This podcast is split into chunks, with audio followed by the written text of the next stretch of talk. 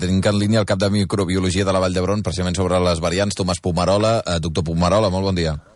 Bon dia. Bé, no sé si vol afegir alguna cosa del que estava dient ara en Josep Lluís Martí, però eh, la meva pregunta és... Eh, ja està detectada, evidentment, a Catalunya. Eh, vostès estan fent eh, seqüenciació a la Vall d'Hebron, com ho estan fent altres hospitals. A quin, quin nivell de, de casos estan trobant? Bé, en aquests moments el que és Barcelona ciutat, que és l'àrea que nosaltres veiem a, a la Vall d'Hebró, tot el que és la primària de Barcelona ciutat, estem al voltant del 8%, no? com hem vingut dient aquesta setmana, uh -huh. i de moment això es va mantenint en aquest, en aquest 8%, les, les dades que tenim de, de divendres, no?, d'ahir mateix. Mm. En aquest aspecte, um, des del seu punt de vista, coneixent i, i també parlant amb els seus col·legues, la velocitat a què s'expandeixen aquestes, aquestes variants, um, quin és el punt de no, ret no, no retorn, suposo que ja hi som, eh? però, però el punt en què canvia el curs de la, de la malaltia uh, l'arribada la, d'aquestes noves variants? A partir de quin percentatge dius ja es, ja es nota, uh, hi ha molts més casos, uh, s'està disparant això? A partir de quin moment? Bé, això no, això no, ho, podem, no ho podem predir, l'únic que podem fer és emmirallar-nos amb el que ha passat en altres països, no? Uh -huh. I a Anglaterra, concretament, va haver un punt d'inflexió molt important al voltant del 10-15% de prevalència de circulació de la variant, que és el que probablement necessiti per començar ja a transmetre d'una forma molt més important i començar a predominar sobre la resta de variants. Per tant, jo crec que estem, estem a prop d'arribar a aquesta xifra, però encara no hi hem arribat. A prop eh, vol dir que amb cosa de, de setmanes... Eh, sí, sí, probablement Sí, estem parlant de setmanes, no? El que passa és que això, evidentment, eh, això que representa és un increment amb la proporció de la circulació d'aquesta variant respecte a les altres. L'altra pregunta, no?, que és completament diferent, és això quina, quina impacte tindrà en el nombre de casos, en el nombre mhm. d'hospitalitzacions, etc. Bueno, això ja ho veurem perquè això també depèn molt depèn molt de les mesures que es prenguin a la població. No? També li recordo que això, aquest, eh, eh, l'increment de casos, no de la proporció, sinó de casos a Anglaterra es produeix en un moment en el qual Anglaterra també tenia unes mesures bastant lleugeres de contenció. Aleshores, ja veurem en aquests moments, amb les mesures que tenim nosaltres, això quin impacte té el nombre de casos. Mm -hmm. uh, li anava a preguntar perquè precisament si mirem el nostre entorn, quan ha aparegut la variant britànica, és cert que s'han disparat d'una manera bastant considerable, no, els casos. Uh, no sé si el, el marge o no d'aquestes mesures. A on? En el cas britànic, evidentment, però m'està fent la referència de, de les mesures, però Portugal eh, és així, no? Bueno, Portugal en aquests moments tenen, tenen un increment molt important de casos. El que hem de veure és quina és la proporció d'aquests casos que està produïda per la nova variant. No? I, i, I nosaltres, eh, i el que, eh, això no tenim les, la, la, la, la, la, la figura no la tenim clara en aquest sentit. Mm -hmm. eh? Vull dir, i en aquí veurem això com, com acaba impactant. El problema és que Portugal, és a dir, hi ha una cosa que eh, eh, amb, amb aquest virus estem veient des de l'inici de la pandèmia, i és que ningú s'escapa. És a dir, Clar. i, i parlo per l'expressió. És, és a dir, quan aquells països que van anar molt bé al principi, per exemple, Portugal, ara van malament. Per què? És a dir, el, el, el, en definitiva, perquè el virus ha infectat a, un, a una proporció de població molt petita i el virus en aquests moments a és molt més fàcil d'infectar a la població de Portugal que altres, altres tipus de poblacions perquè és una població molt menys afectada a l'inici. És a dir, al final tothom acaba passant per la mateixa porta i el virus eh, eh en aquella gent, en aquelles poblacions on no havia afectat d'una forma molt important a l'inici, ho està fent ara. I això ho estem veient al llarg d'aquests mesos de la pandèmia amb tots aquells països. Això és quelcom que es va repetint. Per tant, pressuposar que aquí no ens tocarà o que en algun país que estan molt bé no, no ho estaran de malament és, és una absurditat, no? Bueno, en aquí la veritat és que vam, vam tenir un impacte molt, molt important a l'abril-maig, amb, amb, amb un tant per cent molt important de gent infectada. En aquests moments tenim unes mesures eh, eh, eh, crec que, que, que, que prou dures i, per tant, veurem si amb aquestes mesures som capaços no? de, de, de contenir aquesta variant. Uh mhm. -huh. I això només ens ho dirà aquesta vigilància que estem fent en el dia a dia uh mhm. -huh. i que, per tant, estem aportant dades cada dia d'una gran qualitat que permeten prendre decisions uh, d'una forma molt ràpida. Doctor Pomarola, quan estem parlant de més infecciositat pot d'aquesta variant britànica, eh, pot posar en dubte eh, els patrons de, de seguretat que estem fent servir des de l'inici, vaja, des de l'inici no, però, però pràcticament des de l'inici del, de la pandèmia, que són mascareta, distància, mans, és a dir, pot ser que, ara ventilació, pot ser que algú digui, no, no, és que tot el que esteu dient està molt bé i ajuda, però és que necessitem una altra cosa. No, el que necessitem és el que tenim utilitzar-ho bé. És tan senzill com això. En quin sentit? Bé, és a dir, si diem que uh, hem de portar mascareta, primer l'hem de portar, i l'hem de portar bé, no sota el nas, no, no quan ens, ens entenem o no. És a dir, que eh, quan diem que ens hem de rentar les mans, ens hem de rentar les mans, no un cop al dia, sinó hem d'intentar no tocar les coses, quan les toquem ens hem de rentar. És a dir, al final les mesures acaben sent les mateixes. L'únic que les hem de saber utilitzar. Mm Uh, després, li afegeixo, encara parlant de variants, uh, bueno, ara primer mm, ens explicava el doctor Dani Perdeu Lambra des d'Oxford que, que la vacuna de Johnson Johnson arribarà a Europa probablement al març, perquè s'aprovarà a través de l'EMA probablement al cap d'un mes, no?, d'haver donat les dades.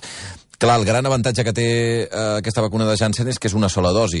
Pot ser un canvi també important de cara a evitar noves variants? Perquè, clar, si la variant és molt ràpida expandint-se, doncs hem de fer una vacuna que sigui ràpida també d'administrar, no? I per tant, amb una sola dosi resols una part del problema. Sí, no.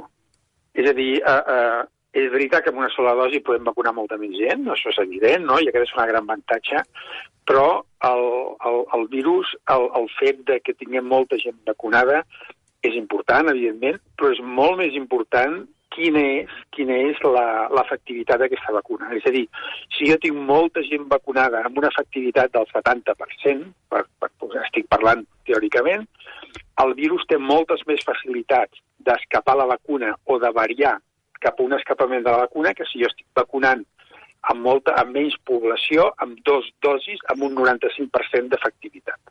Per tant, aquí no és tan senzill. És a dir, no es tracta de quanta gent vacunada, sinó de quanta gent vacunada amb una alta efectivitat tinc. Això és el més important en aquests moments, de cara a evitar a, a que el virus tingui capacitat de variar. És a dir, si el virus comença a infectar gent que està parcialment immunitzada, eh, li estem donant una gran oportunitat a canviar i escapar la vacuna. Mm. Mm, ara hem estat parlant només de la variant britànica, que és la que estem eh, controlant a Catalunya, no? que, és la que, que és la que ha afectat més des d'un punt de vista d'augment de, de casos a Europa, etc. No?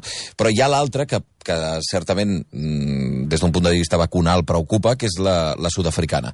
Crec que va ser ahir o abans d'ahir que es va saber que a Espanya hi havia hagut el primer cas de la variant sud-africana a Vigo d'una persona que, que havia fet un viatge de feina a Sud-àfrica. Um, evidentment, vostès no han trobat cap, cap cas, eh? No. No, la veritat és que aquí a Europa hi ha una trentena de casos descrits. Eh? El que passa és que, vull dir, no, evidentment és lògic pensar que aquesta soca ja s'està distribuint.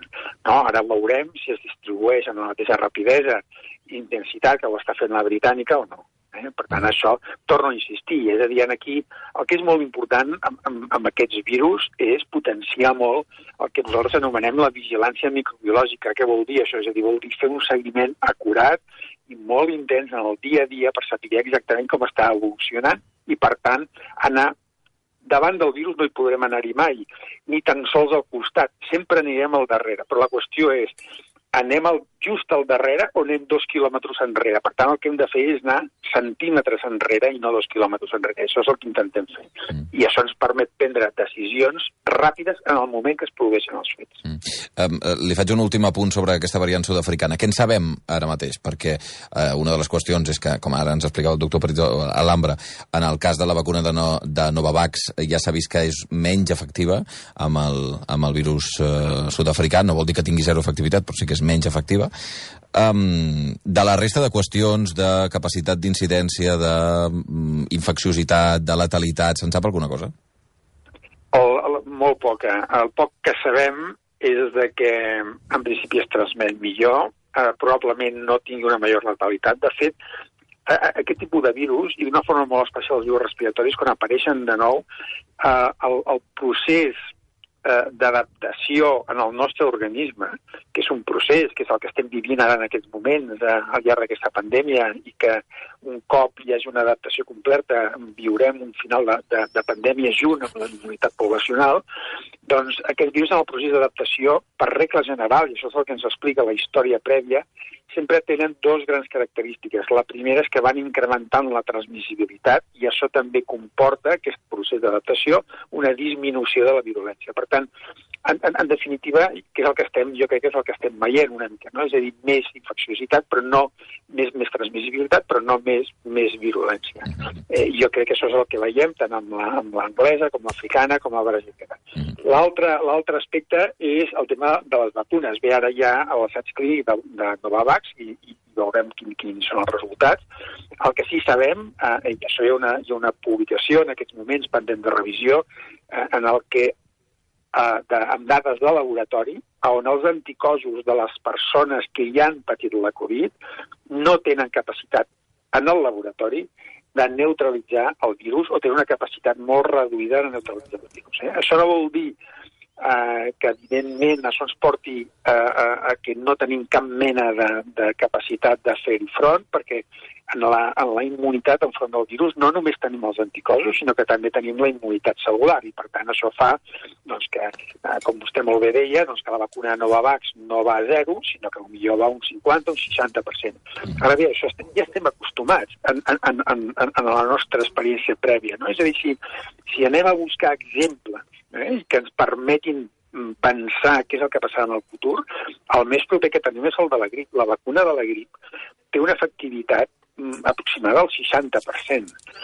Això què vol dir? Vol dir dues coses, com jo li deia abans. D'una banda vol dir que li donem moltes oportunitats al virus a canviar i això ens obliga a revacunar-nos cada any, eh, perquè tenim una vacuna que no és prou efectiva i, per tant, afavorim molt aquest canvi amb el, amb el virus eh, i que pugui escapar la vacuna i ens obliga a, a vacunar-nos cada any. I l'altre, però l'altre gran aspecte és que, tot i que té un 60%, això vol dir que si jo em vacuno de la grip, jo puc tindre la grip aquest any, mm. però el que difícilment tindré i el que difícilment veiem és que aquella persona vacunada ingressi a l'hospital per una complicació com a conseqüència de la infecció gripal. Per tant, aquest 60% és a patir la grip.